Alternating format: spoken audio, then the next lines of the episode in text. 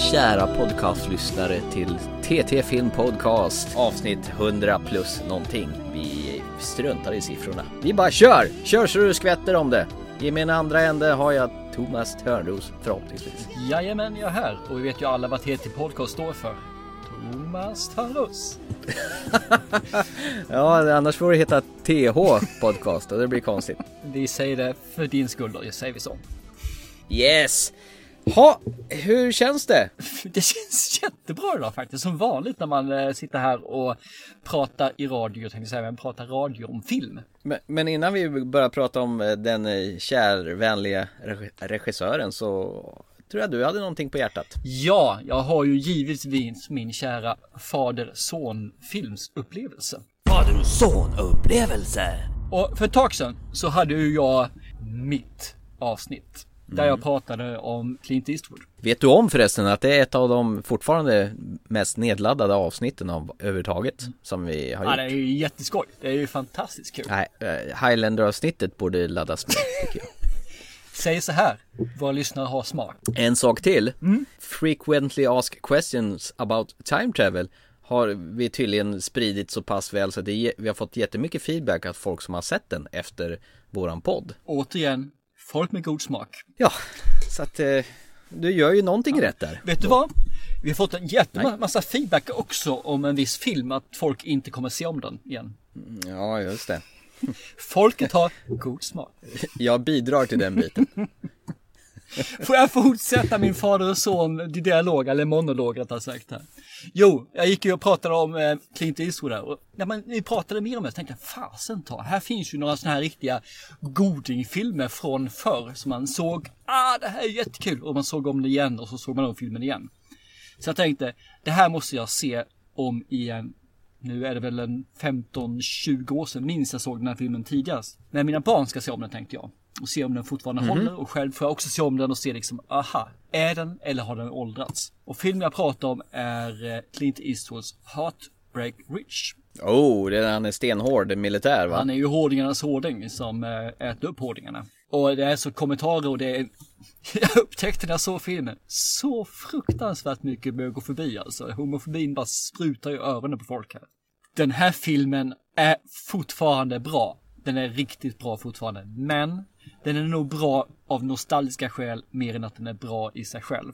För, mm. för man minns de här sekvenserna fortfarande och irriterar säkert skiten ur både mina söner och min tjej här med att uh, sitta och uh, citera kommentarerna två sekunder innan de säger dem. Jag kunde bara ja, inte men hålla vad fan mig. så kan du väl inte jag göra? Jag vet men jag kan inte hålla mig. Det är skit så. Men det, det är ju skit, du, du är ju som en jävla fjortis på bio bara, Vänta, kolla! Kolla nu vad jag gör! Kolla! Det är att man vill slå något hårt i huvudet på ju. Men det roliga är att min store son när han hörde filmen, vissa kommentarerna. This is an AK-47 assault rifle, the enemy's preferred weapon. Uh, make sure you remember distinct sound, eller något sånt där är det. Den har jag dragit med min bror, för min bror tycker också om den här filmen. Och då säger min son, mm. jaha, det är därifrån det där kommer. Så han har verkligen kommit ihåg ah. det vi säger. Och det finns väldigt många kommentarer, sådana här små, korta, fina eh, kommentarer i filmen som är vansinnigt roliga än idag. Jag kommer mest ihåg den här eh, svensken, Big Swede, som ska spöa upp honom. Och... Han som har varierande höjd beroende på var i filmen han är. Ungefär. Han får så mycket spö så att eh, det är väl där han, där Clint Eastwood vinner allas respekt ja. efter att han klubbar ner honom. Åtminstone är de rädda för honom. Nostalgisk film, fortfarande värd att se för mig. Jag tror inte den är värd att se för flertalet. Men omdömet för filmen är i alla fall att så här, Ja, men jo, jo då, den hade sina stunder. Och det tar jag som att det fanns eh, bra och det fanns mindre bra etapper. Och de bra etapperna är ju säkerligen när det är lite action och det är de här kommentarerna som sprutar ut liksom. När man går in i den här romantiska delen och har förhållandet, eller med sin exfru som man vill ha tillbaka ett förhållande med, om man säger så. Då blir det väl lite mer eh, kul och lite långtråkigt för en 16-åring kan jag tänka mig. De vill ju ha våldet. Ja, precis. Och min lille son tyckte nog att, ja, den fungerade väl något sådär. Inte mer än så. Men eh, en kul stund för mig i alla fall och en kul stund för min tjej som såg om den också. Vi hade väl mm. Eh, mer en nostalgisk upplevelse och mina barn hade väl en eh, homofobisk eh, lektion. ja men då fick alla sitt då om man säger så. typ. Nej men den, den är jag också sugen på att se om. Jag har ju hela Clint Eastwood-samlingen står där i ouppackad plast. Mm. Sen jag köpte den för flera år sedan. Och det är väl dags att börja beta av i herr Clint-filmerna ja, igen. Tyckte och den du om den filmen så tycker du ska se om den faktiskt. Bara just för nostalgiska skäl. För den, är, den har mm. riktigt nice eh, sekvenser den alltså. Det måste man säga. Mm. Gött, mm. den tar vi sa polisen. Yes! Eller sa regissören. Och det var avsnittet Den äldre generationen tuktar den yngre generationen i filmernas ädla värld. Ja, ska vi gå in på det vi egentligen hade tänkt att prata om i dagens kvällens eh, extra långa, svulstiga, våldsamma, härliga 70-tals nostalgiska avsnitt. Med mycket droger också. I love you, Pumpkin. I love you, honey bunny. Everybody be cool, this is a robbery! Any of you fucking pricks move! And I'll execute every motherfucking last one of you!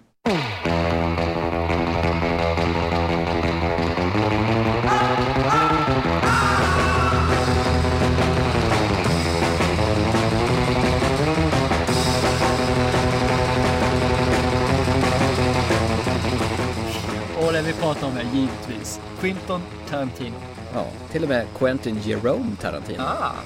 Ja men du verkar ja. kunna det här ju med detaljerna och med vår kära Tarantino. Kan du dra lite bakgrund om honom? Så vi får reda på vem Äsch. är den här mannen egentligen och varför hamnade han där han hamnade?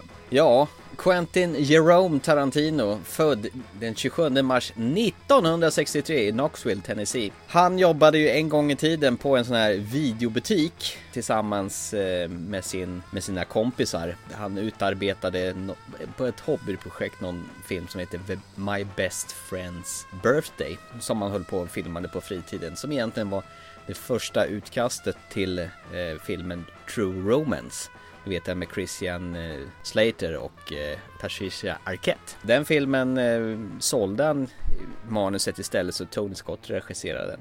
Men hur som helst, hans filmer som han har gjort, han är känd för att göra filmer med långa intensiva dialoger, monologer med övervåld, svart humor, mycket överraskande vändningar och gärna man hoppar lite fram och tillbaka i tiden i, i filmerna. Det behöver liksom inte vara en linjär handling som går från punkt A till B.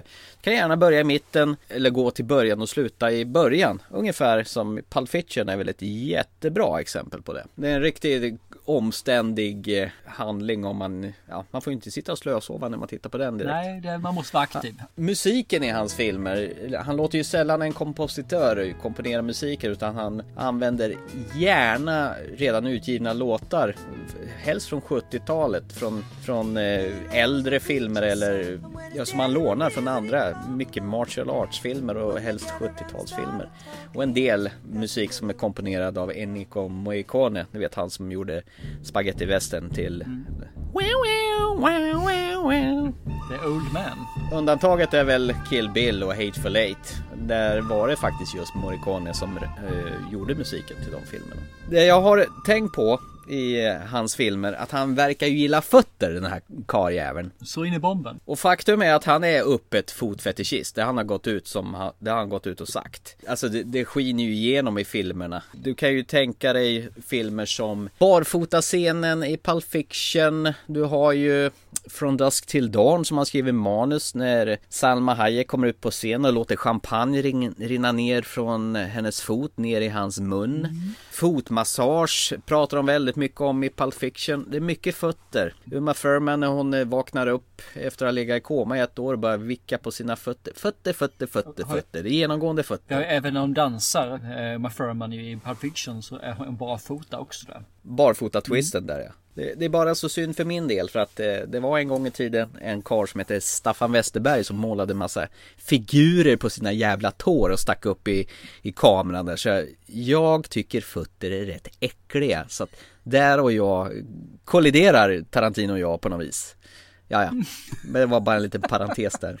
ja, det är mer synd om dig än mig för sig. För jag tycker faktiskt det med fötter rätt härligt. Hans eh, produktionsbolag heter ju, han är medgrundare till sitt balladbolag A Band Apart. Det ser man alltid, det första som, som dyker upp som en vignett i början av hans filmer. Och han driver även en biograf i Los Angeles sedan 2014. Och har suttit med som medlem i Cannes-juryn och allt möjligt. Man kan väl säga lite mer om han. Han är väl egentligen i alla sina filmer som han regisserar så är han ju faktiskt med och skådespelar också. Ja, det gör han ju verkligen. Så att eh, det tycker jag, ja, det är lite Hitchcock över honom säkert, det är säkert där han fått ifrån. Jag, jag tycker det är rätt så skoj faktiskt. Att eh, han kan vara en liten ful roll ibland om man säger så att eh, han bjuder på sig själv. Men ändå så har han ju en ganska viktig roll i, trots de här korta snuttarna han är med i. Tänker på till exempel Pulp Fiction, han är Jimmy där som de måste åka hem till och ja, se till att städa undan lite problem som Vincent Vega och ja, när de till exempel råkar skjuta skallen av eh, killen i baksätet i Pulp Fiction. Nej, men jag tycker det är rätt så, skoj faktiskt. Eh, Enda filmen jag vet som han inte har medverkat, medverkat där han har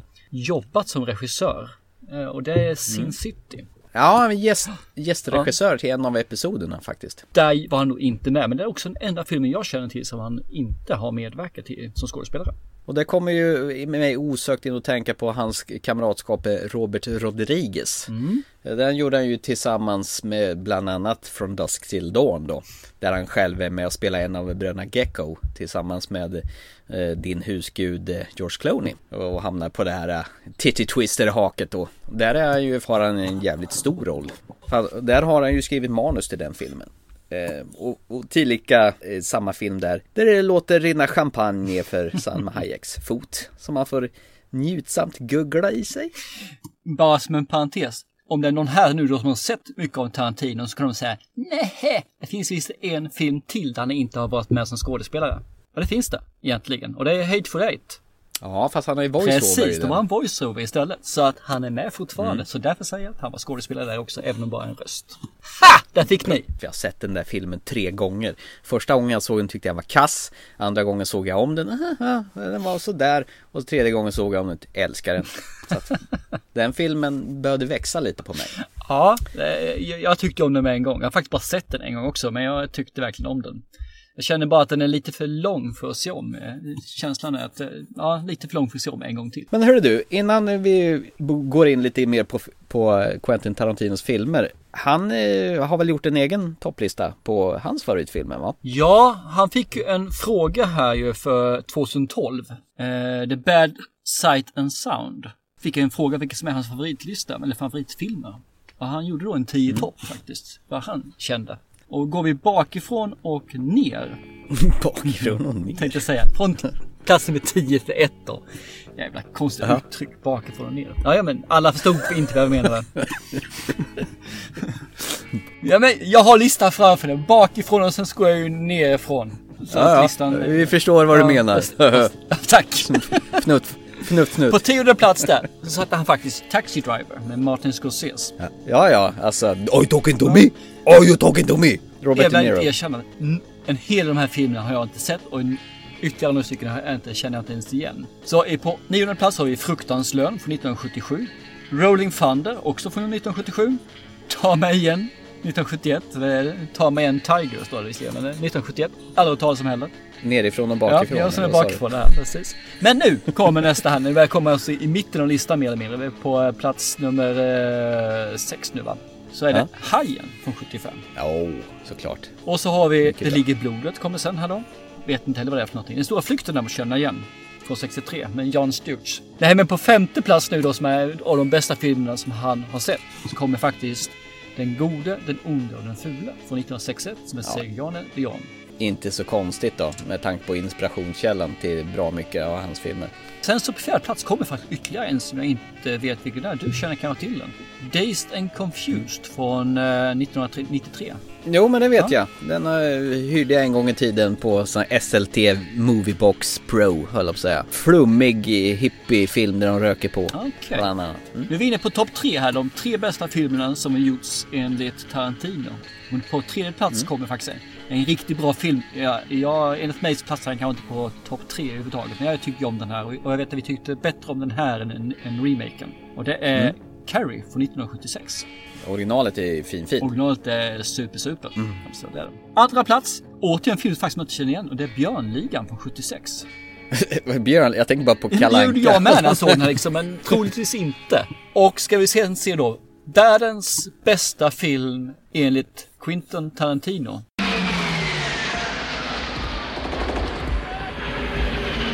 Är då Apocalypse från 1979. Jaha. Den är också riktigt förbaskat bra. Jag ska villigt erkänna att jag håller inte med om hans eh, rangordning på filmerna men eh, det är många goda filmer han har där alltså. Det, det ska man villigt erkänna. Apocalypse Now, det var länge sedan jag såg faktiskt. Nothing else in the world smells like that. I love the smell of napalm in the morning. Den är faktiskt god. I like it, I like it a lot. Nämnde ju för ett tag sedan förresten, bara, bara för att hoppa vidare snabbt och enkelt här från den här listan. Ja, Han har ju en trademark till faktiskt som är, och det är ju återkommande skådespelare. Han använder, återanvänder skådespelare mer flitigt än någon annan regissör som jag känner till. Mm, verkligen. Nummer ett är ju Samuel L. Jackson som har faktiskt medverkat i hela sex filmer med honom. Det är rätt så imponerande faktiskt. This is a tasty burger. Vincent, you ever had a big kahuna burger? Want a bite? They're real tasty. Well, if you like burgers, give them a try sometime. Me, I can't usually get them because my girlfriend's a vegetarian, which pretty much makes me a vegetarian. But Ja, verkligen. Det börjar väl säkert med Pulp Fiction kan jag Ja. tänka mig. Sen har väl han hängt med sen dess, mer eller mindre. Ja, det är bara Death Proof som han inte var med i. Uh, Four Rooms som finns också med, men eh, den, den är väl inte hans film på det viset va, eller? Nej, det är ju en antologifilm. Det är fyra regissörer har filmat varsitt rum om man säger så. Det är ju Robert Rodriguez, det är Tarantino och sen är det två andra regissörer som har gjort varsin. Och sen har de ju, vi, vi kan återkomma till den lite senare. Okej, förresten, okej. Den är rätt Ja, men då, då ska du få ta den, det lovar jag. Absolut. För att titta på några fler som har varit med så har vi Sobel. är också en som har varit väldigt frekvent, fem gånger, så han ligger snäppet efter Samuel. Vi har eh, James Parks, vi har Tim Roth som vardera gjort fyra filmer. Och det är faktiskt de som har varit toppen. När jag, innan jag tittade efter så trodde jag ju faktiskt att vi skulle ha Uma Thurman som låg högre upp. Men hon har ju bara gjort egentligen två filmer. Men då är ju Kill Bill 1 och 2 med där om man säger så. Så räknas som en film. Så tre filmer kan vi säga.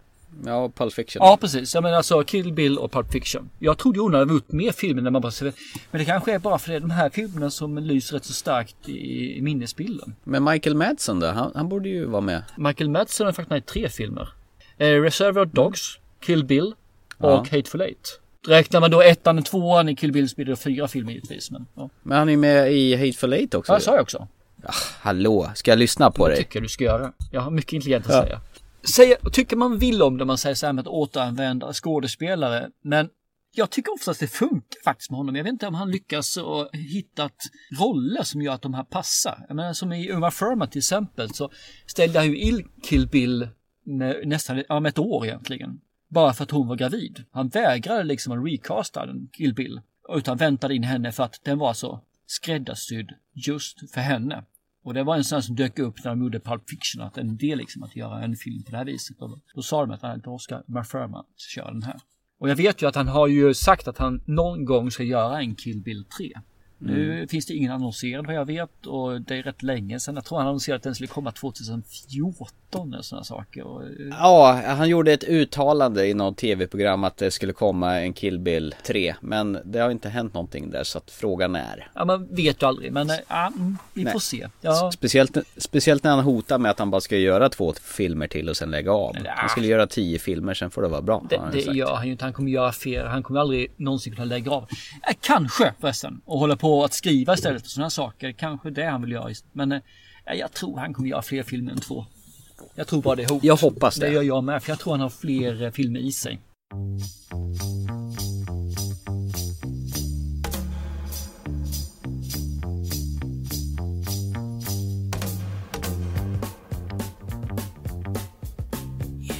Men ska vi gå till allra första från början tillbaka där det hela startade då helt Du enkelt? menar den första långfilmen han gjorde eller? Eller vill du gå ännu längre tillbaka? Ja, hans första långfilm som blev eh, under distribution helt enkelt. Det är Hänsynslösa. Ja, eller The Reservoir Dogs som den heter på originalspråk. Put the gun down! Here are your names Mr. White, Mr. Blonde, Mr. Pink. Why am I Mr. Pink? Who cares what your name is? Yeah, that's easy for you to say. You're Mr. White. You have a cool sounding name. Let's go to work. Tog hela tre och en halv vecka att skriva manuset på den filmen. Så att det gick ju fort. Och producent var Lawrence Bender, tillika hans kom kompis då, som vidarebefordrade själva manuset. Han hade någon regissör som hette Monty Hellman som hjälpte Tarantino att säkra finansieringen. Planen, det var att filma med en budget på 30 000 dollar med en 16 mm eh, på 16 mm film. Eh, man skulle casta Tarantinos närmaste kompisar inklusive Bender själv då. Då kommer Harvey Keitel in i bilden och han ville vara med som medproducent och då lät han då eh, Harvey Keitel läsa en kopia av manuset. Och Harvey Keitel har varit med i tre filmer för Tarantino, bara för en fotnot. Och med, med Keitels hjälp så ök, ökar de budgeten till 1,5 miljoner och då kunde de använda sig av lite större skådespelare som Michael Madsen, Steve Buscemi, Chris Penn och Tim Roth. Så fick Ke- Keitel en huvudroll. Och Tarantino spelar en av de mindre bärande rollerna. De har ju rätt balla namn där, Mr Pink och Mr Yellow och Mr White och såna här Det grejer. finns ingen Mr Black va? Nej, jag tror inte det va? Jag tror inte det finns någon Mr Yellow heller när jag tänker efter. Utan de hotade bara med att en kunde heta Mr Yellow ifall han inte brydde sig om det. Han ville inte heta Mr Pink och då sa han, var glad att du heter Mr Yell- Yellow. Alltså den här filmen är ju också en sån där olinjär film där handlingen verkligen kastas Ja, man, man börjar väl i slutet av filmen och sen så gör man eh, neddropp i början av sekvensen och sen längre och längre fram har jag för mig. Och så går man hela tiden tillbaka till nutid. Ja, det är väl ett rån som går åt helvete så att säga. Alltså det får man veta redan i början att det här har ju inte gått riktigt bra. Sen får man veta vägen fram. Varför det inte gick så bra. Ja, jag- minns att de sitter i ett runda bordsamtal i början och pratar om Madonnas Like a Virgin, hur den handlar om och själva låten handlar om enligt Quentin Tarantinos vision. Let me tell you what Like a Virgin's about. It's all about a girl who digs a guy with a big dick. Entire song is a metaphor for big dicks. Like a Virgin's not about some sensitive girl who meets a nice fella. It's all about this coos who's a regular fuck machine. I'm talking morning, day, night, afternoon. Dick, dick, dick, dick, dick, dick, dick, dick, dick. You know, her pussy should be bubbling up by now. But when this cat fucks her, it hurts. It hurts just like it did the first time. You see, the pain is reminding a fuck machine what it was once like to be a virgin. Hence, like a virgin. Rätt så utbredd och maffig dialog och redan här så visar han ju vilken dialogkonstnär han är. Alla ni som har eh, sett på Nile City från 90-talet. Där det finns en eh, fin scen där med en tosk som eh, leks Det, med. Det Greger har kidnappat någon i en lagerlokal. Precis, och det, just den scenen är då egentligen tagen från de hänsynslösa ju. Dock ingen tosk där. Utan det är lite mer brutalare grejer med Michael Madsen dansar till den här låten då. Och eh, har tänkt att tortera den här polisen som han har bundit fast. Mhm. Och stympa av honom vitala kroppsdelar. Den är grym den scenen faktiskt, riktigt grym. Kom ihåg att jag tyckte den var jätteäcklig när jag såg den filmen, eller just den scenen när jag såg filmen. Ja, den var knivskarp om man säger så. Jag såg ju den här, det- är ju den första filmen jag såg med eh, Tarantino faktiskt. Han gjorde ju inte bara regisserade filmer själv utan han hade ju skrivit manus. Jag nämnde i, i förbifarten i början att han hade skrivit något hobbyprojekt som blev grunden till True Romance. Han var inte intresserad av att regissera den så han sålde den vidare till Tony Scott. Så blev det så att Tarantino fortsatte arbeta på Hänsynslösa då. Men eh, True Romance blev ju en, en kultklassiker. Och den innehåller ju också en del av Tarantinos standardskådisar som Samuel Jackson och eh, vad fan heter han? Han med klockan i rumpan. Rysk roulette, Deer Hunter. Va? Fan jag har ju en framför mig ju. Max Sorin i eh, James Bond. Jaha, är det han? Christopher Walken, han är med i eh, True Romance. Jaha, jag trodde du menade med klockan, men det trodde jag var Bruce Willis i Pulp Fiction. Max Sorin, Christopher Walken Ja. ja. Det, är han, be, han berättar ju för unga Bruce Willis när han, han hade gått Ja, runt med hans så är farsas det ju, klocka. så är det ju. The way your dad looked at it, this watch was your birthright. You'd be damned if any slope's gonna put the greasy yellow hands on his boy's birthright, so he hid it. In one place he knew he could hide something his ass. Five long years he wore this watch, up his ass. Then he died of dysentery. He Give me the watch. I hid this uncomfortable hunk of metal up my ass two years. Then, after seven years, I was sent home to my family. And, little man, I gave the watch to you. Uppkörd i röven. ju. Absolut, nu är jag med. Eh, Ja. Det var ett tag sedan jag såg Pulp Fiction faktiskt, jag ska erkänna. Så att... Törs inte se om den. Nej, jag har sett den för många gånger också. Så att, men jag ska faktiskt se om den en gång till.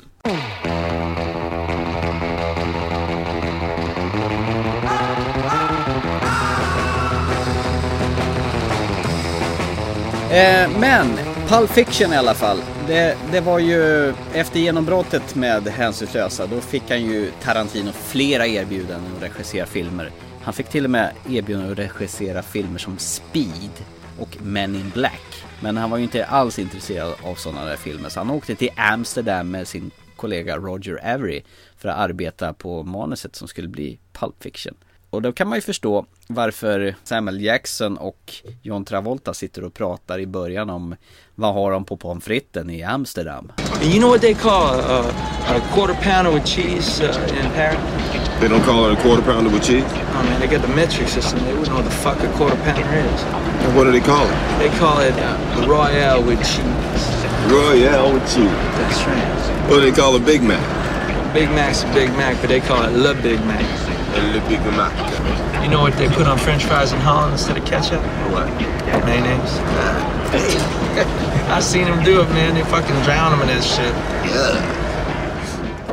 Den här filmen är ju fullproppad med olinjära dialoger. Ja, och, och det är just det som finns i den här filmen. Det är liksom, som blev hans trademark som jag ser det. Liksom det är dialoger som egentligen inte har något att göra med filmen och föra filmen framåt handlingsmässigt. Utan det för bara fram en, en känsla i filmen och det bygger väl upp mer karaktär egentligen, hur, hur de är och beter sig.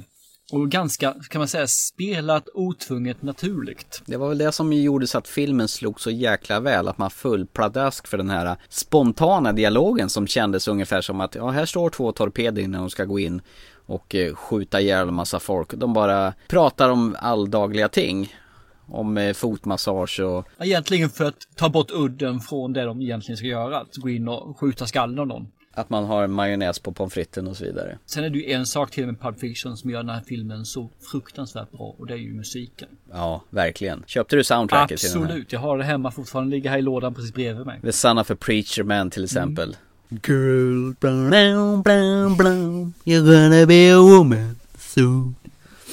Ja, fy fan. Det, det, usch, det, det är därför jag såg om så många gånger också. För jag tyckte om musiken. Liksom. Och sen så de här små korta scenerna som var inledde innan musiken gick igång. Ja. Nej, uh, me like. Jag, jag blev kär i den här ja. filmen. Alltså, jag uh, föll för honom i uh, Reservoir Dogs och uh, den Pulp Fiction så där var det kärlek. Men man följer ju torpederna Vincent och Jules och maffiabossen Marcellius Wallace och sen hans drogmissbrukande fru Mia då, tillika Uma Thurman i, i svart eh, page-frisyr va? Ja, precis. Och sen är det Bruce Willis som spelar boxaren Butch och så rånarna Pumpkin och Honey Bunny som man får se i början då innan titelmusiken kommer igång. Det är väl här som man vinner sin första Oscar också för bästa originalmanus. Ja, och det är väl helt guld värt. Ja, men det är det ja. Absolut. Manuset är ju genialiskt alltså. Det, det ska man inte se något ja. annat. Jag för mig jag läste en biografi angående eh, Tarantino och just Pulp Fiction då. Att den här sekvensen med eh, boxaren, det vill säga Bruce Willis som ska till varje pris ta tillbaka sin fars klocka och råkar ut för Marcellius och hamnar i en liten källare med en eh, The Gimp. ja, precis. Den eh, scenen snodde han från en manuskollega och menar på att vi får väl se vem som använder den här sekvensen först. Så den har han rakt upp och ner stulit från någon manuskollega som var jävligt sur på Tarantino. Det är rätt intressant för jag, jag tror att jag såg den här filmen för kanske säkerligen fem 15 år sedan, minst, minst 15 år sedan är det. Och ändå så är det vissa saker som sitter. Det finns en sekvens när han precis har varit och slagits Bruce Willis och skulle ha förlorat men vann istället givetvis ju. Mm. Och drar in en massa pengar. Då kommer han till sin tjej och tjejen står där. Uh, säger, vad säger hon säger för någon? Uh, whose motorcycle is this? It's a chopper, baby. Whose chopper is this? Zed's. Who's Zed? Zed's dead, baby. Zed's dead. Who said? Said is dead babe. Said is dead. det sitter som en smäck den där replikskiftet där. Precis! Och det är liksom då 15-20 år sedan. Jag fattar inte att den fortfarande finns kvar men den är så jäkla bra tycker jag. Och eh, vad heter det, Samuel Jacksons eh, religiösa monolog innan han pepprar i... Eh, Into Valley of Darkness. Ja, precis. Mm, mm, it's a pretty good damn burger, it's a kahuna burger. Som, som dessutom är ett påhittat märke. Det finns ingenting som heter Kahuna Burger i verkligheten. Det kan jag visserligen förstå för det var väl ingen som ville sponsra dem. Nej, alltså den här filmen är ju full med sådana här guldsekvenser. Deras eh, barfota twist på den här eh, baren där eh, båsen är gamla raggarbilar och servitörerna är utklädda till James Dean och, och Marilyn Monroe och så vidare. Ja, visst. Det är väl här som egentligen Travolta också får sin eh, nyuppsving om man säger så in i s- filmbranschen. Han var ju på dekis och bara dundra om det så tack vare Tarantino så fick han ju ett lyft i karriären så bara vissla om det. Det kan man ju lugnt säga för han gjorde en hel del efter det här. Både bra och mindre bra filmer. Och den här filmen är ju proppad med skådespelare. Både som i mindre roller, större roller. Du har ju Rosanna Arquette och Eric Stoltz. Du har ju eh, massor med folk som flimrar förbi här. Det är ju mumma att se. Och jag är fortfarande helt säker på att merparten av de här fick inte en krona betalt och de gjorde det bara för att vara med. Mm, jag har också läst det någonstans att de eh, gjorde det för att vara med och för att de förstod att Tarantino var en regissör som var på väg uppåt. It was a teenage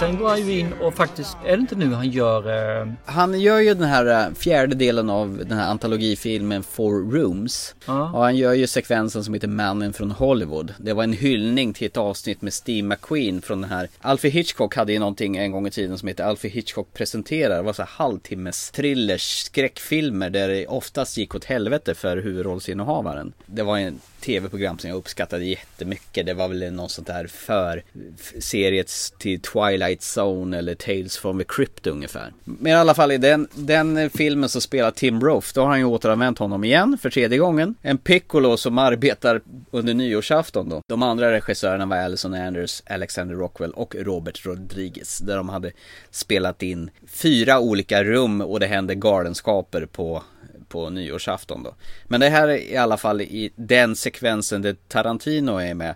Då är Bruce Willis med och de är uttråkade som fan och då då ska de ju försöka återskapa den här sekvensen då.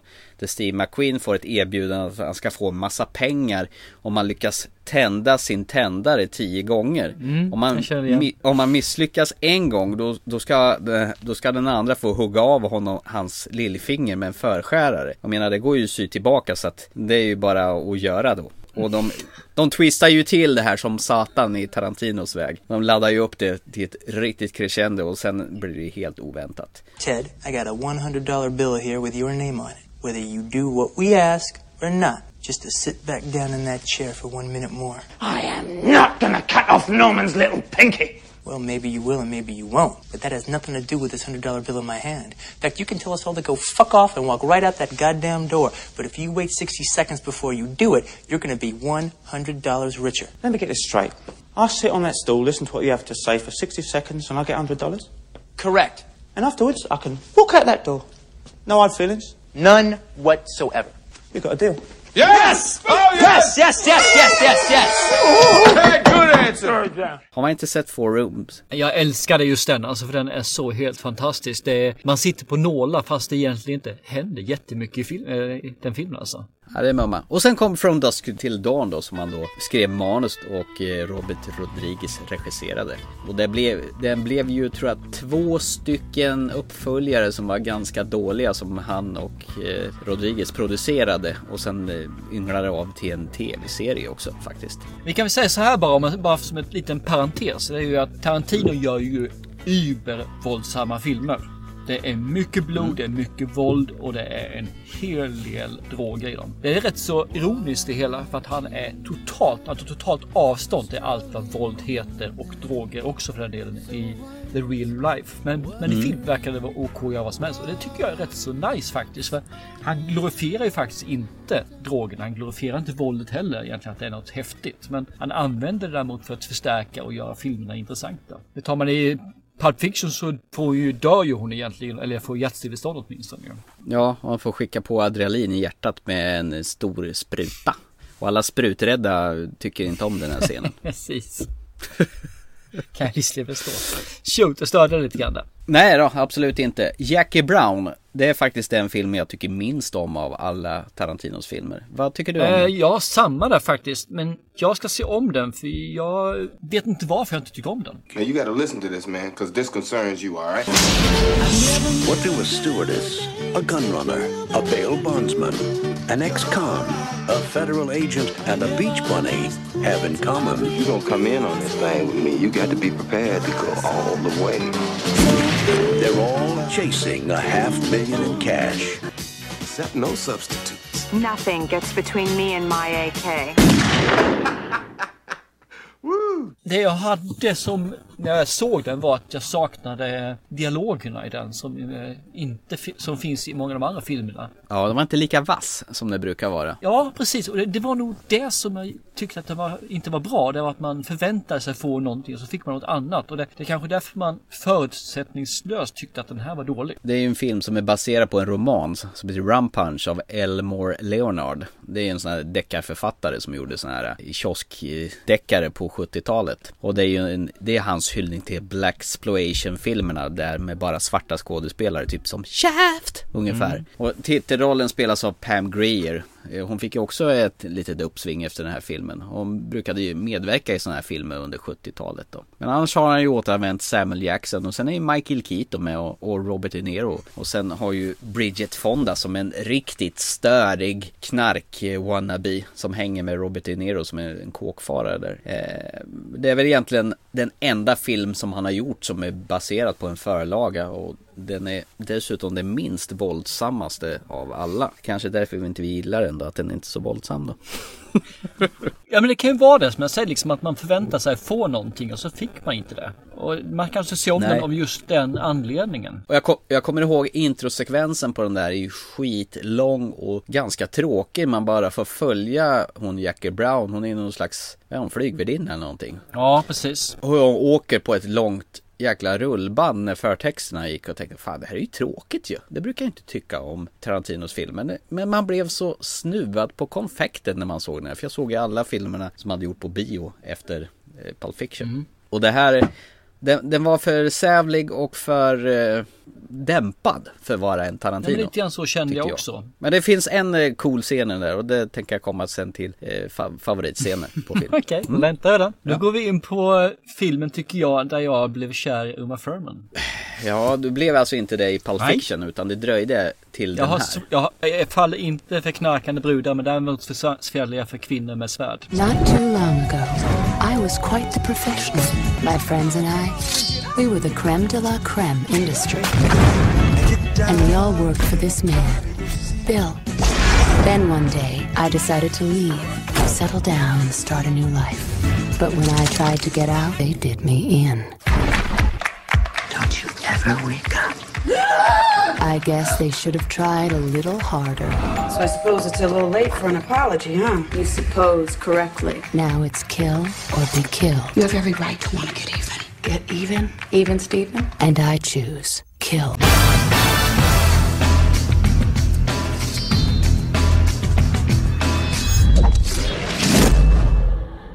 Faktum är att Tarantino hade planerat att filma Inglourious Basterds. Men han hade problem att göra klart slutet på den filmen. Så, alltså i sk- skrivprocessen. Mm. Och då sköt han upp projektet på framtiden och så beslöt han sig för att fokusera på Kill Bill. Som handlar... jag kan faktiskt tänka mig det när man ser till Glorious Basen så förstår jag att hur fan ska vi sluta med den här? Vi gör plam! Strunt i slutet, jag vill bara göra filmen. Nu hoppar vi lite grann i framtiden här. Kill Bill. Det handlar ju om Um- Uma Thurman som eh, beslutar sig att mörda sina före detta kollegor som har sabbat hennes liv ju. De har varit riktigt taskiga mot henne och lämnat henne dö vid något bröllop. igen. Och dödar hennes barn, eller egentligen när hon var gravid när de sköt henne. Så att... Ja. ja, den här filmen är ju så våldsam så, så det finns inte. Utan det är väl en hyll, hyllning av kung fu-filmer, samurajfilmer, spaghetti-western och sådana här rape and revenge-filmer Ja. som var så jävla populärt på 70-talet. Man kan väl säga att det beror nog på om du tittar på volym 1 eller volym 2. Volym 1 är ju den här asiatiska splatterfilmen där du har 43 bar i pulsådern. Så hugger du av en hand så sprutar det 43 meter då. Medan eh, tvåan är ju mer en revenge-film. alla 70-tal 80-tal. Han har ju verkligen gått lös på olika filmgenrer i de här två filmerna. Och han blandar ju och ger i de separata filmerna också. I första till exempel, det är som du säger, det sprutar ju blod som fontäner när man hugger av armarna. Det är tecknat ibland, det är svartvitt ibland. Den här stora Slaughterhouse-grejen är ju svartvit till exempel då. Han, eh, och mycket det här med närbilderna på ögonen när det är de här showdowns och de här grejerna. Eh, Likadant här har han ju tagit musik som har blivit ikoniskt. Som, det var ju någon av låtarna som man eh, hade hört när han skulle gå på något flygplan. Jag tror du berättar om den historien. Jag kommer inte ihåg vad de heter. för De heter, vad heter Det var de här... Precis. Pussidals, Pussidals någonstans hon heter.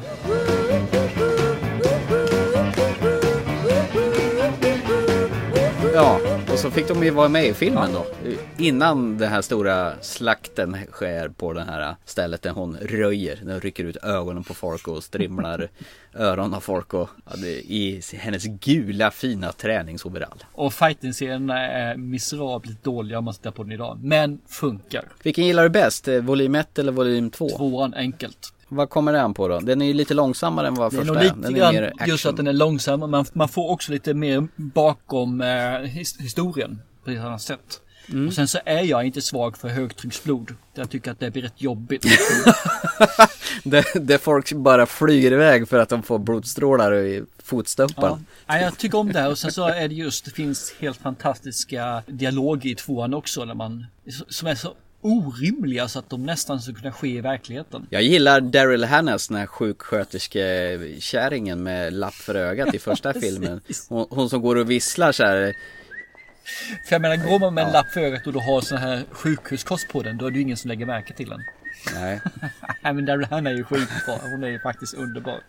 Hon har uniform på sig. Ah, det är så alltså. Mm. Nej men jävligt rå film. Ja, jag, jag tycker ju verkligen om den alltså. Det gör jag. Framförallt då tvåan. Ja. Men ettan är inte kass, men tvåan är by far bättre. Och det här måste väl vara David Carradines kanske sista film han gjorde innan han dog i en strypsexlek någonstans i Thailand. De hittade honom i en garderob med, med ett leende på läpparna och sen var han ju strypt. Eh, de här två filmerna kan jag också säga. Det är de första filmerna jag visade mina söner från Tarantino. Okej, att de, hur föll det då? eh, de tyckte fighter-scenerna var skitdåliga. Riktigt alltså, Jaså? svärdscener alltså. Eh, de tyckte däremot att blodet sprutade var riktigt nice. Så de tycker ettan är bättre än tvåan. Det ja, så? det tycker de. För det, det, det var ju mer som hände där liksom och det var lite grisiga. Så det, det föll god jord hos dem. Men de gick bra Mm. hem tror jag. Ettan mer än tvåan, men båda två gick eh, helt okej hem alltså. Längtar du efter en trea? Eller är det bra så här? Jag tycker att det är bra så här, men kommer trean kommer jag se den. Men jag tycker det räcker. Jag vet inte om det finns något mer att, finns det något mer att berätta? Jag har för mig döda inte hon Bill Jo, på slutet. hon använder, nu är den från 2004 så det är väl okej att spoila den. Hon använder ju den här Mm. trestegsslaget på honom. Är det det hon ligger och ba- bankar sig ur under kistan när hon är nedbegravd? Nej, det är ju inte tre steg. Det är ju mer att hon har fått träningen att inte ge upp om man säger så. Trestegsslaget Nej. är ju att de slår på vissa punkter på en och då har man tre steg innan hjärtat sprängs i kroppen på dig och du faller ner död. Aj, aj, aj. aj, aj. Sånt gör ont. ja, precis. Så nej, jag, jag tycker det är också en sån här riktigt häftig slutscen där faktiskt i tvåan när de sitter ner på stolar och slåss med svärd. Det är inte Mm. ofta man sitter ner på en stol och, och fäktas. Känns som jag behöver se om den där för jag kommer knappt ihåg det där om jag ska vara ärlig. Ja, gör det. Det är, det är värt det, det tycker jag. Mm. Jag tycker helt att det är värt det. Mm. Uma Thurman ha- har ju gjort Ja, men hos mig så är hon en, en skådespelare som jag minns och jag tycker fasen vad hon gör bra filmer. Men Mm. fasen, hon har inte gjort så mycket filmer. Ja, alltså som är, som är, är värda att, se, äh, att prata om om man säger så. Ja, jag menar, ja egentligen, man tittar tillbaka, om man nu jag vill inte gå allt för långt tillbaka om man säger så. Men om man går tillbaka Pulp Fiction 94, jajamän. Eh, sen har jag ingenting, ingenting, ingenting, ingenting, ingenting. Så har, har vi Gattaca 97, jättebra film också. Den är ju fin. Sen har vi Les Misérables, eh, tung film eh, med bara sjunga i. Ja, uff, Men, tycker jag inte nej, den, den är tung. Den alltså. Men hon är med i den och det är ju en, en, en stor film får man väl inte säga vad man än tycker om den. Så är det ingenting, ingenting, ingenting, ingenting, ingenting, ingenting, ingenting, ingenting. Och så kommer Kill Bill 1, 2. Och sen så är det för mig, för min del, ingenting, ingenting, ingenting, ingenting, ingenting, ingenting, ingenting, ingenting, ingenting, ingenting. Och så kommer Movie 43 Som är väl inte en stor film, men en kul film. Ja, det är en jättekul Och sen film. kommer det en film jag inte har sett, Nymphomaniac. Från 2013. Och 2015 gör hon sin sista film, Bränd, som jag inte ens vet vad det är för någonting. Men känslan jag har är att hon gjort mycket filmer. Ja. Men det kanske är för att man har sett det som i Percy Jackson i Kampen om Ostfiguren så är hon Medusa där och sådär. Så hon har lite småroller som man hoppar in i. Hon är med i någon film med någon kock med han från Baksmällan och är någon sån här äh, matrecensent. Okej, Man blir sugen på att laga mat när man ser den filmen. okej, bra, veta. Chef tror jag han hette, hette han så? Chef Burn, Burned någonting. Ja, den är säkert, ja, Bränd är det säkert då som det heter på svenska. Ja men precis, det är den. Just det, hon är jävligt snygg i den också. har Hon ser fruktansvärt bra Mm. ut idag och hon såg bra ut. Hon är en sån här kvinna som har blivit snyggare med åren tycker jag. Polar de tillsammans, Tarantino med Furman? Jag har fått för mig det. Att de är... Det Nej, men han, han har ju kallat eh, eh, Uma Thurman hans musa. Så Jaha, att eh, de, han, okej. de har ju något förhållande, alltså det behöver inte vara sexuellt eller kärleksmässigt, men något har de i alla fall tror jag. För att, eh, men jag tror inte de är gifta eller, nej jag tror inte de är sånt där. Du är bara avundsjuk. Du vill ha Uma Thurman för dig själv. Det är där. Ah, nej, jag vill nog mer ha henne lite grann som en liten glorifierad person där ute i periferin. Om du får välja ett frikort, är Uma Thurman ditt frikort? Nej, mitt frikort är en blå tjej med vassa tänder och svans. Ja men det är ju inte realistiskt Du ju. se filmen. Det är ju, det är ju en karaktär. Se filmen Siren Ja, så men- kommer du hålla med mig. Ja, jag, jag har inte Nej, gjort det än. så Den ska du se och du kommer säga samma sak som mig också. Blå brud, vassa tänder och svans. Ja, okej. Mm. Bang, bang. He shot me down, bang, bang. I hit the ground, bang, bang.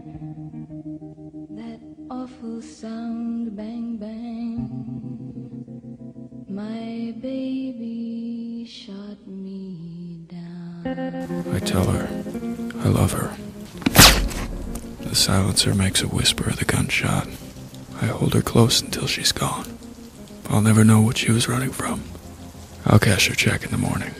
Eh, svartvitt då? Sin City. Det är ju fan en av dina absoluta favoritfilmer från 2005. Och då var ju Tarantino gästregissör i Robert Riges film. Där han regisserar en scen där Clive Owen åker i en bil med döda kroppar i bakluckan och så sitter han och pratar med Benicio del Toros huvud. Ah, det är den scenen han gjort alltså? Ja, det är väl typiskt Tarantino, är det inte det? Ja, jo, men det kan, det kan jag hålla med om faktiskt. Nu, Jag visste inte om det ska jag erkänna, men när du säger det så absolut skulle det vara någonting som han skulle göra. Varför inte? Mm. Har du sett om Sin City sen? Ja, jag har sett om den jättemånga gånger så jag gjort alltså. Men nu är det, det en Ja. hel hop år sedan som jag, som jag inte sett om den och jag kommer nog inte se om den mer gånger heller tror inte jag. Eventuellt ska jag se om den med mina söner för det här kanske är någonting jag tycker de ska ha sett. Eh, men enbart De har därför. inte gjort Nej, det, de har alltså. inte, jag har inte vågat visa den.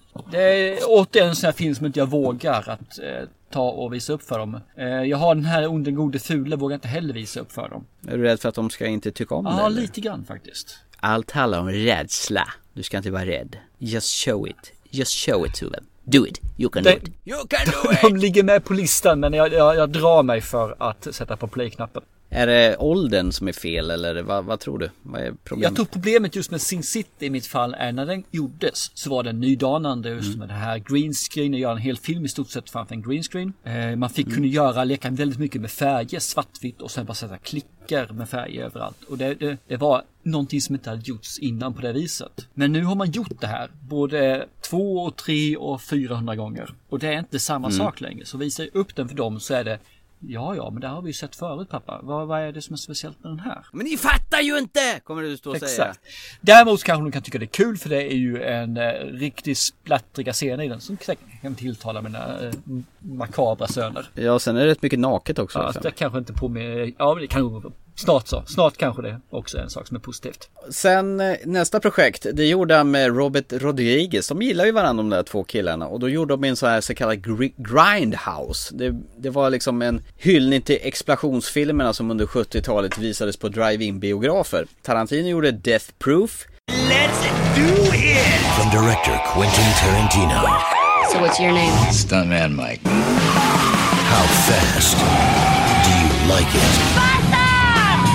Ready to fly.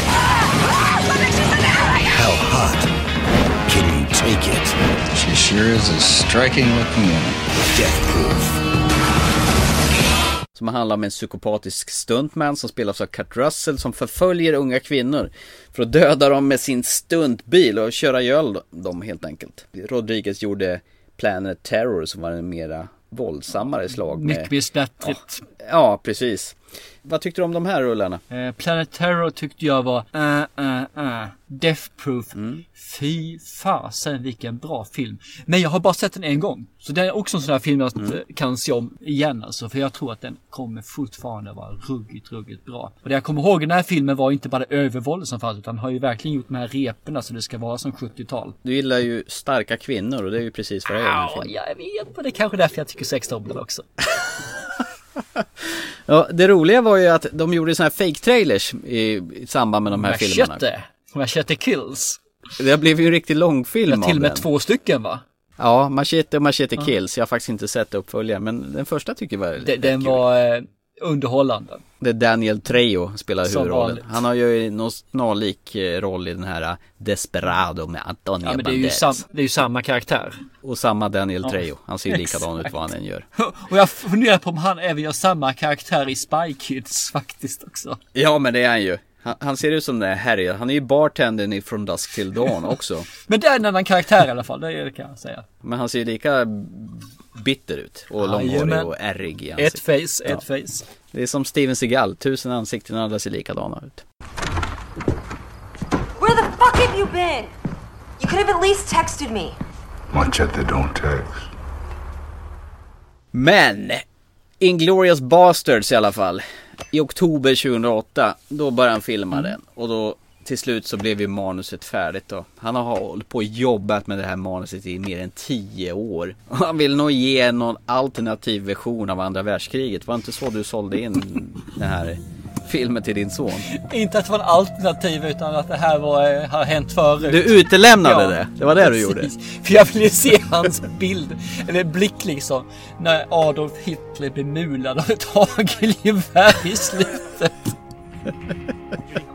Ja. Och det enda han sa, vilken skit! Den är ju fantastiskt bra. Ja, den här filmen är ruggigt härlig. Ja, det handlar ju om amerikansk-judiska soldater som kallas för The Bastards som leds av löjtnant Ald- Alderrain som spelas av Brad Pitt. Han är väl den enda som kan italienska men han bräker på sin sydstatsdialekt. Arrivederci. Arrivederci. Buongiorno. De har faktiskt lånat titeln på filmen från en, en italiensk film som heter Inglourious Bastards. Mm. Som eh, regisserats av Enzo Castellari 1978. Så att det, men det är väl egentligen det enda som, som filmen har gemensamt. Att han snodde titeln därifrån och la till ett Bastards istället för Bastards. Christoph Waltz var ju okänd i det här fallet och han spelar ju en här SS-militär, Hans Landa, som har en förkärlek för mjölk. Mm. Och det här är väl bland de bästa introsekvenserna i någon film någonsin, om jag får eh, tycka till. Monsieur Lapetit, are you aware of the nickname the people of France have given me? I have no interest in such things. But you're aware of what they call me. I'm aware What are you aware of? that they call you the Junta. Precisely. The feature that makes me such an effective hunter of the Jews is, as opposed to most German soldiers, I can think like a Jew, where they can only think like a German. Ah, jag älskar ju hans eh, manipulerande sätt att ta reda på att det finns judar under golvplankorna Mm. hos den här franska bonden ute på landsbygden där. Ah, det är ju så häftigt. så Han det är finns så jävla psykopat där, det är det som är saker och det är, ja, gentlemanna-psykopat kan man väl säga. Ja, sådana gillar vi Ja, ju. det gör vi absolut. Vi tycker ju om de här som är lite off, om man säger så, i sitt sätt att vara, i Ja. sociala accepterat. På något vis så kan man sätta sig in i hur de tänker, för man har själv lite udda tankar ibland, det är bara att man eh, sätter ju inte dem i verket och de är bara sådana som flyger förbi i periferin. Ja, jag älskar ju Brad Pitts eh, tal där till sina mannar liksom. My name is Lieutenant Aldo Rain, and I'm putting together a special team, and I need me eight soldiers. Eight Jewish American soldiers.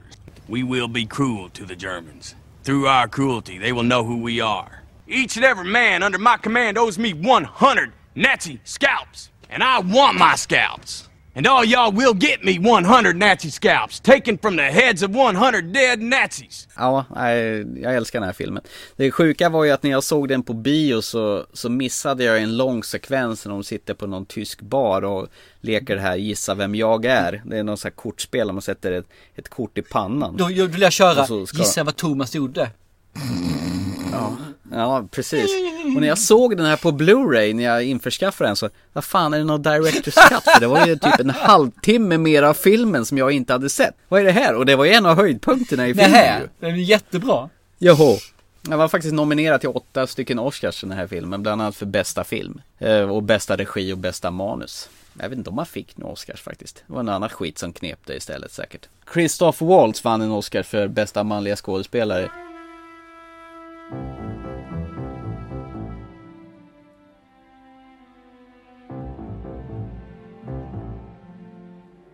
Efter Inglourious Basterds då beslutas eh, Tarantino att han ska minsann eh, djupdyka i westernträsket. Och eh, 2011 så påbörjar han produktionen av Django Unchained.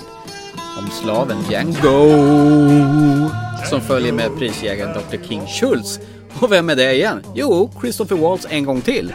Jag tycker om honom alltså så att det, det är bara att inse att han är bra skådespelare. Han klarar ju av de här karaktärerna. Han är väl maskerad som någon tandläkare som kommer med en vagn med en stor gigantisk tand på taket. Precis. Vet du vad det roliga är i det här fallet? Det här kommer vara pinsamt. Men jag såg den här för, första filmen, första, jag såg den första gången. Så tog det ett bra Mm. stund innan jag fattade att det var Jamie Foxx. Jaså? Japp. Jag tänkte Okej. på en annan skådespelare. Han Okej. är med i eh, I am Legend till exempel. Vadå, tror du det var Will ja, Smith faktiskt. Alltså? Och det är pinsamt, så de är inte alls lika de här. Men det fastnade alltså. Det var Will Smith, så det var. Sen eh, fick ju han en revival, Miami Vice-skådisen eh, Sonny Crockett, eh, Don Johnson Precis. fick ju vara med i den här filmen och som leder sitt Ku Klux Klan-gäng där de eh, har tydligen problem med de här eh, dräkterna. Ja, exakt. När de bara syr hu- huvor som kliar och man inte ser genom ögonen. Folk han blir skitsur för att hans fru har lagt ner flera timmar på de här huvudena. Så vill de inte vara med dem så kan de göra dem själva nästa gång. Och nästa gång tar vi heldräkter. Sen har vi faktiskt filmen här som- där en skådespelare tar verkligen ett steg uppåt och tar självdistansen till nya nivåer för sig själv och det är Leonardo DiCaprio. Mm, som är verkligen. orangeägaren här som eh, det finns en underbar scen när han har en monolog, Leonardo Di- DiCaprio. Och sen så dammar Mm. han näven i bordet så han gör. Brap, I will admit you are pretty clever. But if I took this hammer here and I bashed in your skull with it, you would have the same three dimples in the same place as old Ben. Hey! Now lay your palms flat on that tabletop. If you lift those palms off that turtle shell tabletop, Mr. Pooch is gonna let loose with both barrels that sawed off. There have been a lot of lies said around this dinner table here tonight, but that you can believe. Mr. Moody, would you be so kind as to collect the pistol hanging off these boys' hips here? Och då skär han sig på glas där som man smärker. Och det är liksom gjort på riktigt. Det är inget trickfilmat. Utan han skär sig så blodet smetas. Och då går han fram sen och så tar han handen över den här negressens ansikte och kladdar henne full med steget blod. Och det är liksom, det är helt improviserat och hon var inte alls med på det. Man ser det här äcklet i hennes ansikte och det är då alltså verkligt äckel sådär. Ja. Så att han är ju Ja, en ta- tuffing får man ju säga alltså. Ja. Eh, Och ett svin. Och Tarantino är med, med själv och spränger sig själv i luften i en scen. Som- Med, med dynamit. Har jag minsann för mig. Som vanligt, jag tänkte jag säga. Nej, men det, det är en fin film det här också. Det är också en sån här film som jag vill se ihop med min eh, stora son i alla fall. För det här tror jag kan tycka är kul. Hateful Eight då? Den sista filmen hittills, so far. From the director of Kill Bill and Django Unchained comes Seven Strangers and One. Good way to get yourself dead. They got a secret, One of y'all ain't who you say they is. but they didn't count Do you know who he is? on him. Starting to see pictures, ain't you? He'll kill everybody in here. Shoot them, stab them, burn them. I never bring him in alive. Never. Never ever.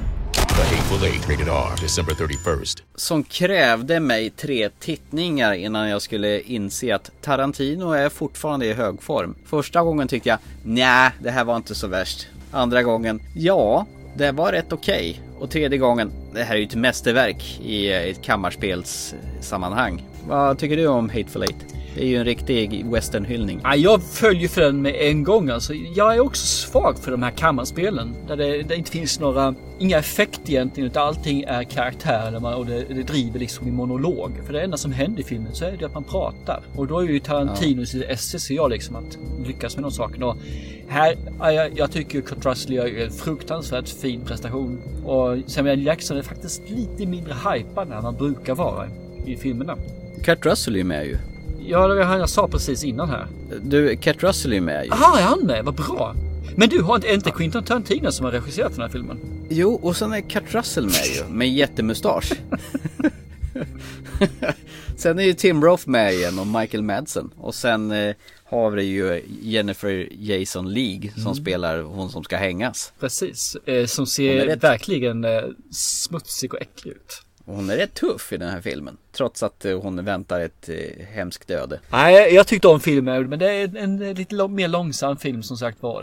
Och det är mycket dialog. Så tycker man inte om det så tror jag den här eh, är rätt så långtråkig faktiskt. Jag skulle vilja ha sett den på den här 70 mm bio när den visades. Det hade varit mumma komplett med intermission mitt i filmen. Ja, jag kan hålla med. Finns tyvärr ingen sån biograf i närheten av Örebro. Så att, um... Vad är det på gång då? Det måste ju komma mer filmer från Tarantino. Två filmer vad jag känner till. Eh, en som är pre-production och en som är announced. Pre-production, det måste väl ändå vara Once upon a time in Hollywood. Där det, vad jag förstår, ska handla om eh, två stycken, en tv-skådis och hans stuntman som vill göra karriär i Hollywood. Mm som spelas av Leonardo DiCaprio får återvända till eh, hans stall då. Där samtidigt så härjar eh, han Charles Manson, den här dåren som som mördade Shannon Tate och hans sektliknande grejer. Så att det blir någon slags clash där, där han gör ett nedslag i Hollywoods produktion under slutet av 60-talet, början av 70-talet samtidigt som massmördarsekten härjar. Och vad jag förstår så Tarantino sagt i ett uttalande att det här kommer bli en mer film som är, känns mer som Pulp Fiction.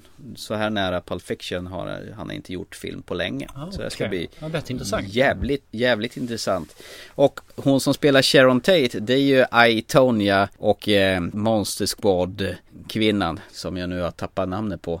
Mm. Harley Quinn tjejen. Vänta, nu, du sätter mig på tå här. Jag är ju så jättedålig på sånt där. Margot Robbie heter hon ju. What was that? I should kill everyone and escape? Sorry. The voices. I'm kidding. Jeez. That's not what they really said. Okej, okay, Margot Robbie, okej. Okay. Mm. Ja, och hon har ju spelat mot eh, Leonardo DiCaprio förut i Wolf of Wall Street. Han spelar ju hans fru i den filmen. Så att eh, det här kan ju bli ett riktigt spännande projekt. Han har inte filmat en enda meter på den här filmen, men biopremiären är satt till, tror jag, 20 augusti nästa år. Så att till lagom till nästa sommar får vi se en ny Quentin Tarantino-film. Blockbuster, med andra ord. Det ska bli härligt. Ja. Och den som är announced är ju, eh, det är ett Star Trek-projekt han har också som ligger som announced. Och det är egentligen en av de få genrer som han inte har berört tidigare. Ska han göra en Star Trek? Det står det här i alla fall som jag läste efter. Och det är ju frågan vad det kan bli för någonting. Det ska bli, jag tycker det skulle vara jättekul om han gick in och körde en sci-fi-rulle eller något sånt där liksom. Han har ju faktiskt regisserat ett avsnitt av eh, CSI när jag tänker efter. Ja. Där en, en av de här killarna, Stokes, blir levande begravd i en kista och de här teamet försöker leta på honom innan syret tar slut. Kommer jag ihåg var en två delars special event som Tarantino fick regissera. Coolt. Jävligt coolt faktiskt. Mm. Du, backa tillbaka till uh, Hateful Eight förresten. The Hateful Eight, rated R. Select cities Christmas Day, everywhere January 8 Den här filmen höll ju nästan på att inte bli av. Nej, varför inte det då? Eh, därför att han skrev ju manuset och höll på att arbeta med det under en väldigt lång period. Och mm. sen så läcktes manuset och slutet. Ja, det stämmer. Och då ville han bara skita ja, i allt. Ja, då skiter jag här. Om ni ska hålla på på det här viset så filmar jag inte sa han. Slutade mm. ju med att han läste upp hela manuset live och mm. gick igenom och sa pappa, pappa, pappa, pappa. Och här är enda gången, sa han, som ni kommer veta slutet på, den här, på det här manuset. Nu skriver jag om hela skiten. Mm. Så han skrev om hela slutet gjorde han och sen så satte han och filmade den. Men han var nog väldigt, jag tror faktiskt han var väldigt nära att lägga ner den till han hade lugnat sig och tagit sitt förnuft säger men fast jag kan inte ge upp det bara för att. Nej, det kommer jag ihåg. Det var ett jävla liv kring det där. Ja, han höll ju på att stämma folk både höger och vänster för de hade läckt vet du. Han var rabiat. Jag kan förstå det för han är ju säkerligen mitt inne i det här liksom. Som en bubbla, ungefär som en eh, atlet när han springer sitt 100 meters lopp på OS. Alltså det finns ingenting som kan störa. Så helt plötsligt är det någon som kommer och säger pop! Där sprack vi hål på bubblan på dig. Ballongen är spräckt. Ja.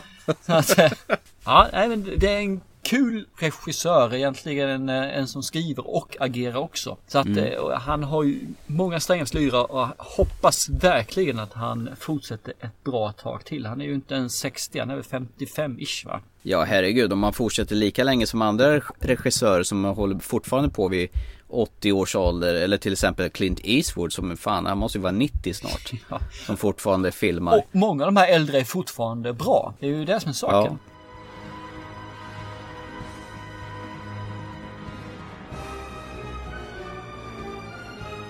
You wanna save the town? Then shoot that nigger dead! Oh, you believe in Jesus now, huh, bitch? Well, good, because you about to meet him. Men hör du, om du skulle få lista dina topp tre scener ever i en i Tarantinos filmvärld. Vad skulle du sätta på plats tre? Jag har ju skitsvårt att rangordna dem måste jag ju villigt erkänna här så att eh, Ja, men kör på magkänsla då. Det behöver nödvändigtvis inte stämma över. topp tre i sådana fall är eh, sista fighting-scenen i Kill Bet Bill 1 med eh, Lucy Liu.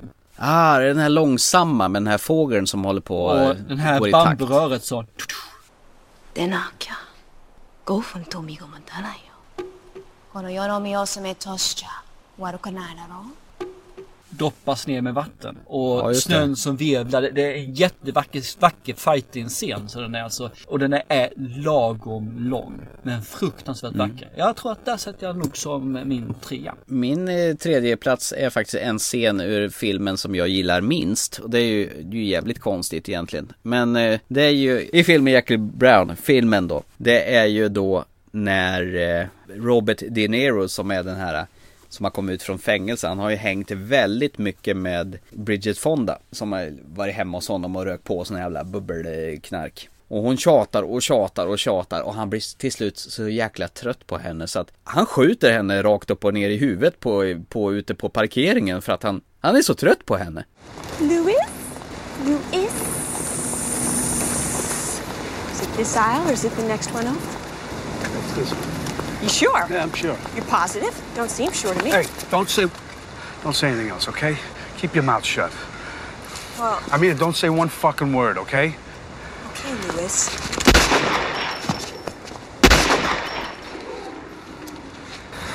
See, just where I said it was. Så att den sekvensen tyckte jag var rätt ball faktiskt. Bara helt, nej, nu, nu snappar han, han liksom, nu har du tjatat för länge. Bort! Så han skjuter här i skallen. Den, den scenen tycker jag var rätt kul. Ja, Okej, ja, men helt okej, Ja. helt okej. Så att, eh, vet, vet du vad? Jag ska redan nu sticka ut eh, näsan tänkte jag säga. och säga att vi har med stor sannolikhet ettan delad.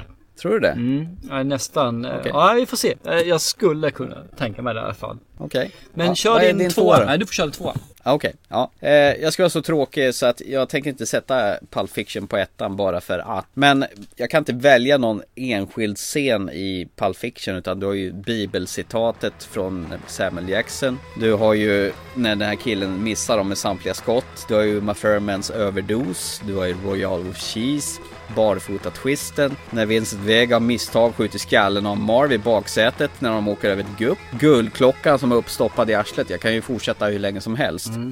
Eh, Det får bli en gemensam tvåa då från den filmen med alla möjliga olika scener. Den där var lite småful, men ja, jag förstår dig. Ja men det går inte att välja någonting för det är, det är så proppat med små eh, genialiska scener rakt upp och ner. Det är hopplöst att välja någonting där. Jag har faktiskt också Pulp Fiction som tvåa, men jag väljer en specifik scen där. Och det är just Okej. när de sitter på fiket och har dialoger med Honey Pang och vad de är för någonting. Ja just det. Och de slutar Ja, med Honey liksom Garçon, coffee! Garçon means boy. This place? A coffee shop. What's wrong with that? Nobody ever robs restaurants. Why not? Bars. Liquor stores, gas stations. You get your head blown off sticking at one of them.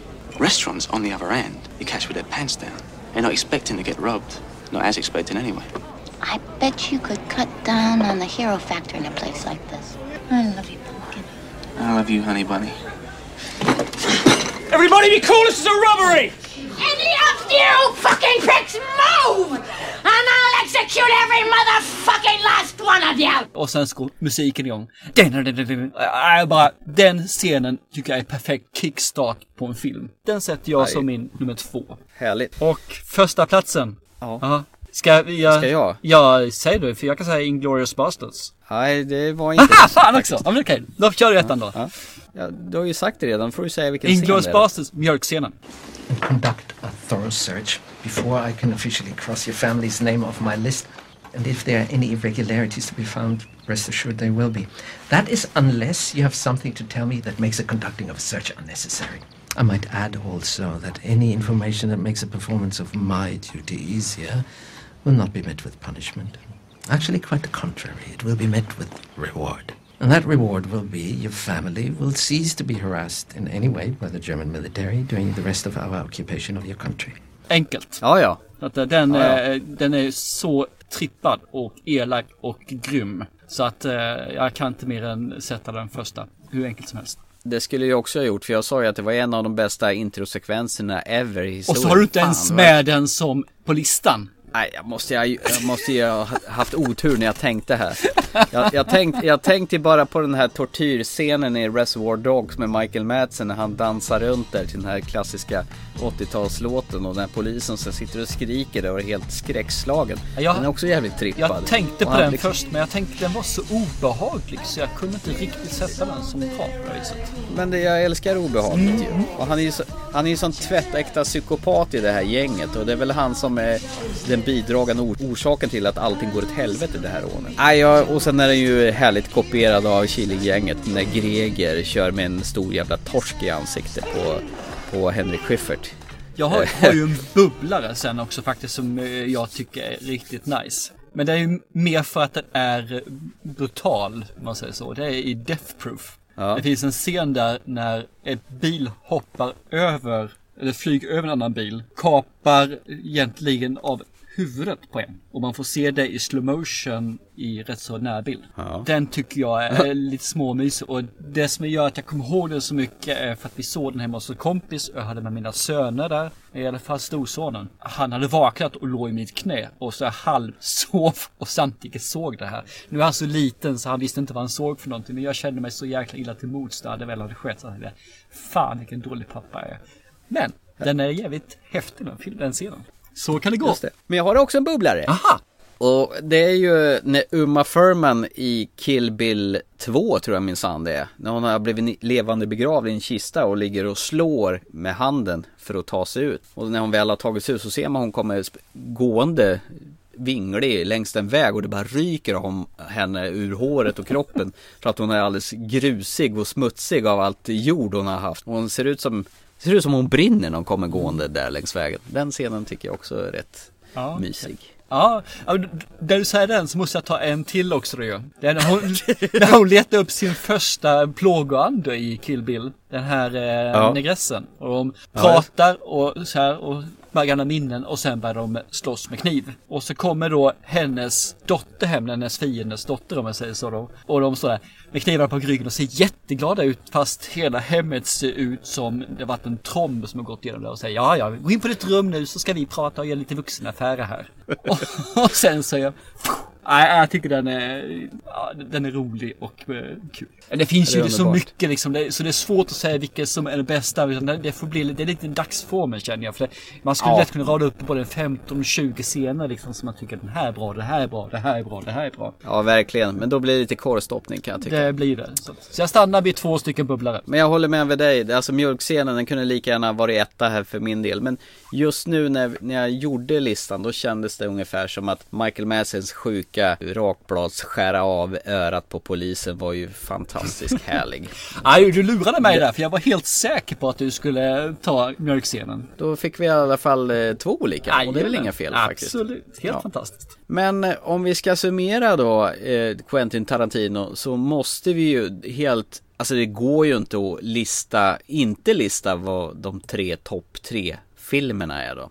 Ja, det- går det att det, få till? Det måste vi göra, absolut. Så börja med Ja. din trea då. Eh, då måste jag säga att det är faktiskt, då sätter jag ihop Kill Bill 1 och 2 som en gemensam trea. De är, den är ju faktiskt superhäftig med Uma Thurmans hämnd Odyssey här. Där han blandar alla genrer hit och dit med spaghetti westerns, samurajfilmer och de här eh, revenge rape filmerna i en salig röra. Och det är helt utsökt. Ja. Det är min trea. Aj, jag, jag, kan, jag håller med dig. Det är riktigt fina filmer sådär. Så. Dock kommer den inte in på min tredje plats. Och jag tror du kommer att säga emot mig här, men min tredje plats är Pulp Fiction. Va? Ja, jag vet. Men det finns en anledning till det. Det är för att jag har sett Mhm. den ofantligt många gånger. Jag tror det här är topp tre eller fyra av de filmer jag har sett flest gånger. Så när jag såg Ja. om den sista gångerna liksom, så blir det så att man, man tittar lite grann och säger ja, så spolar man. Och så såg jag, och man, man tröttnade på den. Du är mätt på den. Precis, och just därför hamnar den bara på tredje. Men den är ju en helt outstanding film. Så hade det här varit att man bara hade sett filmerna en gång så hade den kommit på mycket högre placering. Men i dagsläget kommer den på tredje plats av just den anledningen att jag kom ihåg den med lite trötthet i minnet. Min tvåa då, eh, det är ju Inglourious Bastards. I'm putting together a special team. We're gonna be doing one thing and one thing only. Killing Nazis. Sound good? Yes, sir! Jag är ju helt såld på det här alternativa versionen av andra världskriget i det tyskockuperade Frankrike. När man försöker göra mordförsök på ledarna för nazistpartiet. Och till och med lyckas att göra det också. Och Hitler får han får sitt kan man säga. Fantastisk eh, Christoph Waltz med sin mjölkscen. Han är en jävel på att äta strudel och han terrar hon den här kvinnan som han jagar hela tiden. Shorsana Shosanna Dreyfus. Nej, det är ju ett mästerverk av råge. Och en fruktansvärt överspelande Brad Pitt med sitt Arrivederci, we're gonna kill nazis. Det är mumma.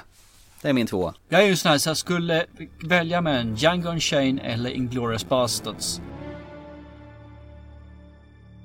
Och jag har också Inglourious Basterds där så att eh, tvåan är samma som din där.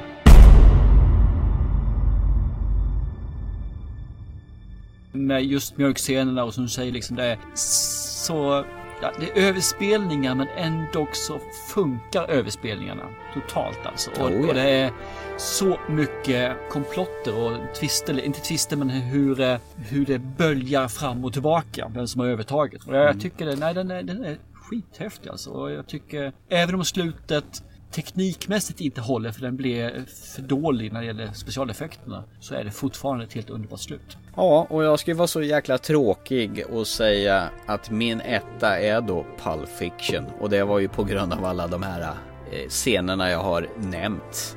Det är så fantastiskt. Allting från början till slut är ju bara en ren ljuvlig resa.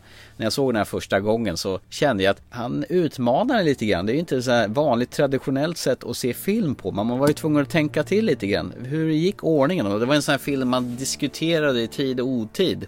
Det är ett klart mästerverk som jag återkommer till då och då. Framförallt med ett klockrent soundtrack och fantastiska skådespelare. Och en eh, Bruce Willis i hög form som ännu inte har bara är där för att I'm casha on in. Och vacation! Ja, verkligen. Och en John Travolta som ser sur ut och twistar. Han har ju sig svarta strumpor på sig och bara tycker att Uma Thurman är en jävla plåga som man behöver barnvakta. Nej, det är en mästerlig film. Etta, Pulp Fiction, alla gånger. När såg du den senast? Det är nog rätt många år sedan faktiskt. Jag har nog inte sett den här på 5-6 år. Jag har den nog både på Blu-ray och DVD i olika utgåvor faktiskt. Och soundtracket har jag på CD-skiva. Det är väl lite så här med skräck att se om den. För det är väl samma sak med dig som med andra filmer. Att man kanske vill behålla sitt goda minne av den här filmen i sinnet. Mm. Så att man känner att kanske, att jag förstör genom att se om den här. För vissa filmer blir ju inte lika kul att se många år efter. När man har ett så fint och högt sinne för den här filmen så att Man säga. har Så linnat att- in den i bomull och färgat bomull lite Ja. rosa. Samtidigt så har man då lagt lite glitter på också. Och det känns ju som jag kan den här filmen in och utan och jag får nog behålla den så. Ja, nu är jag skitnyfiken. Vad är din etta då?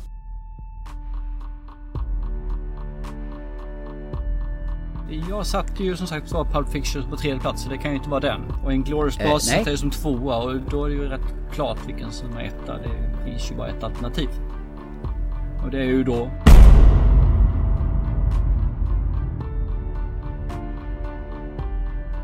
Det hänsynslösa från 92. Reservoir Dogs. Yes. Och anledningen till tror jag att den hamnar ö, överst på listan är just att jag har sett den här bara en enda gång. Är det så? Yes. Jag tyckte om det just det där man fick det här att man, man börjar och sen så gör man så man stegvis får se vad som händer. Och sen så har du det här övervåldet. Som du nämnde, det är din favoritscen här med eh, ja, öronklippandet och eh, bensinendränkandet. Den är ju Mm. så äcklig och intensiv på något sätt. Så det, det är nästan som att man ser på en dokumentär. Jag, jag vred på mig, jag kommer ihåg när jag såg den. Och sen så tycker jag om återigen kommentarerna som säger Yellow, Mr Yellow, Mr Black, Mr White, Mr Brown. Och, Ja. och de har de här, jag, jag, minns den med riktigt nice. Alltså det här är, här, som, som nämnde tidigare, liksom, det, är, det är någonting som som sitter i hjärtat och jag vet inte riktigt varför det finns där men det är nog bara för att jag gick därifrån den här filmen och tänkte att jag har sett någonting som jag aldrig har sett förut.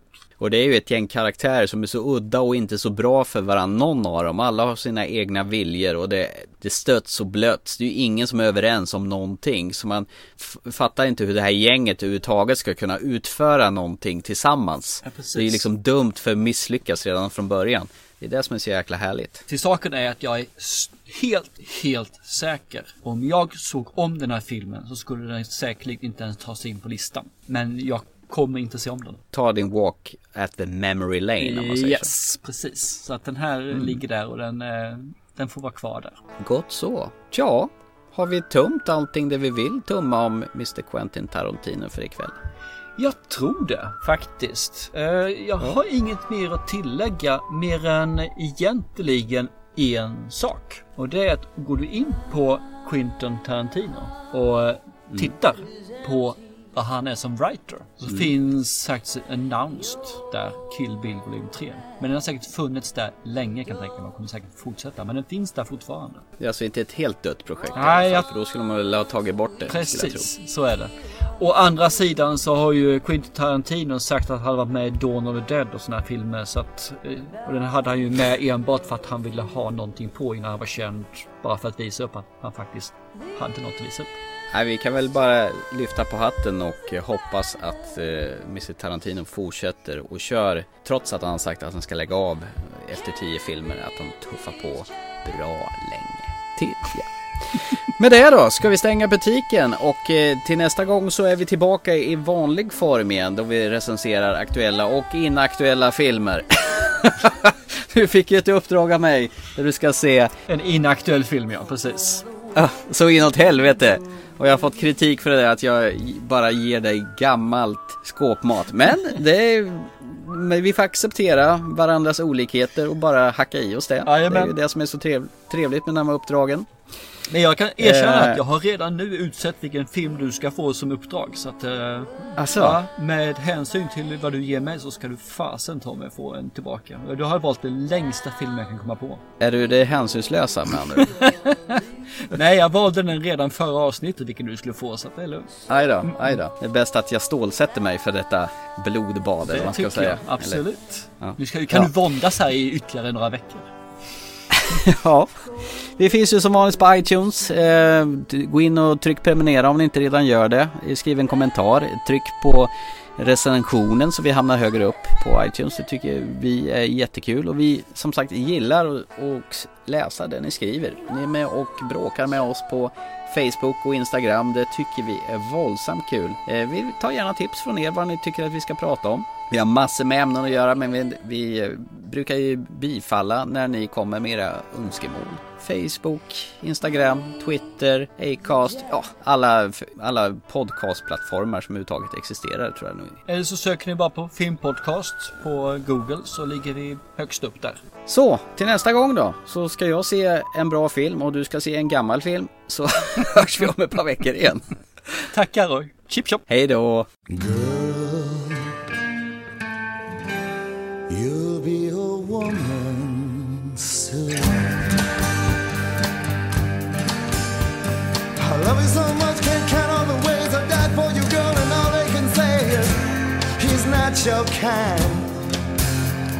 They never get tired of putting me down, and I never know when I come around what I'm gonna find.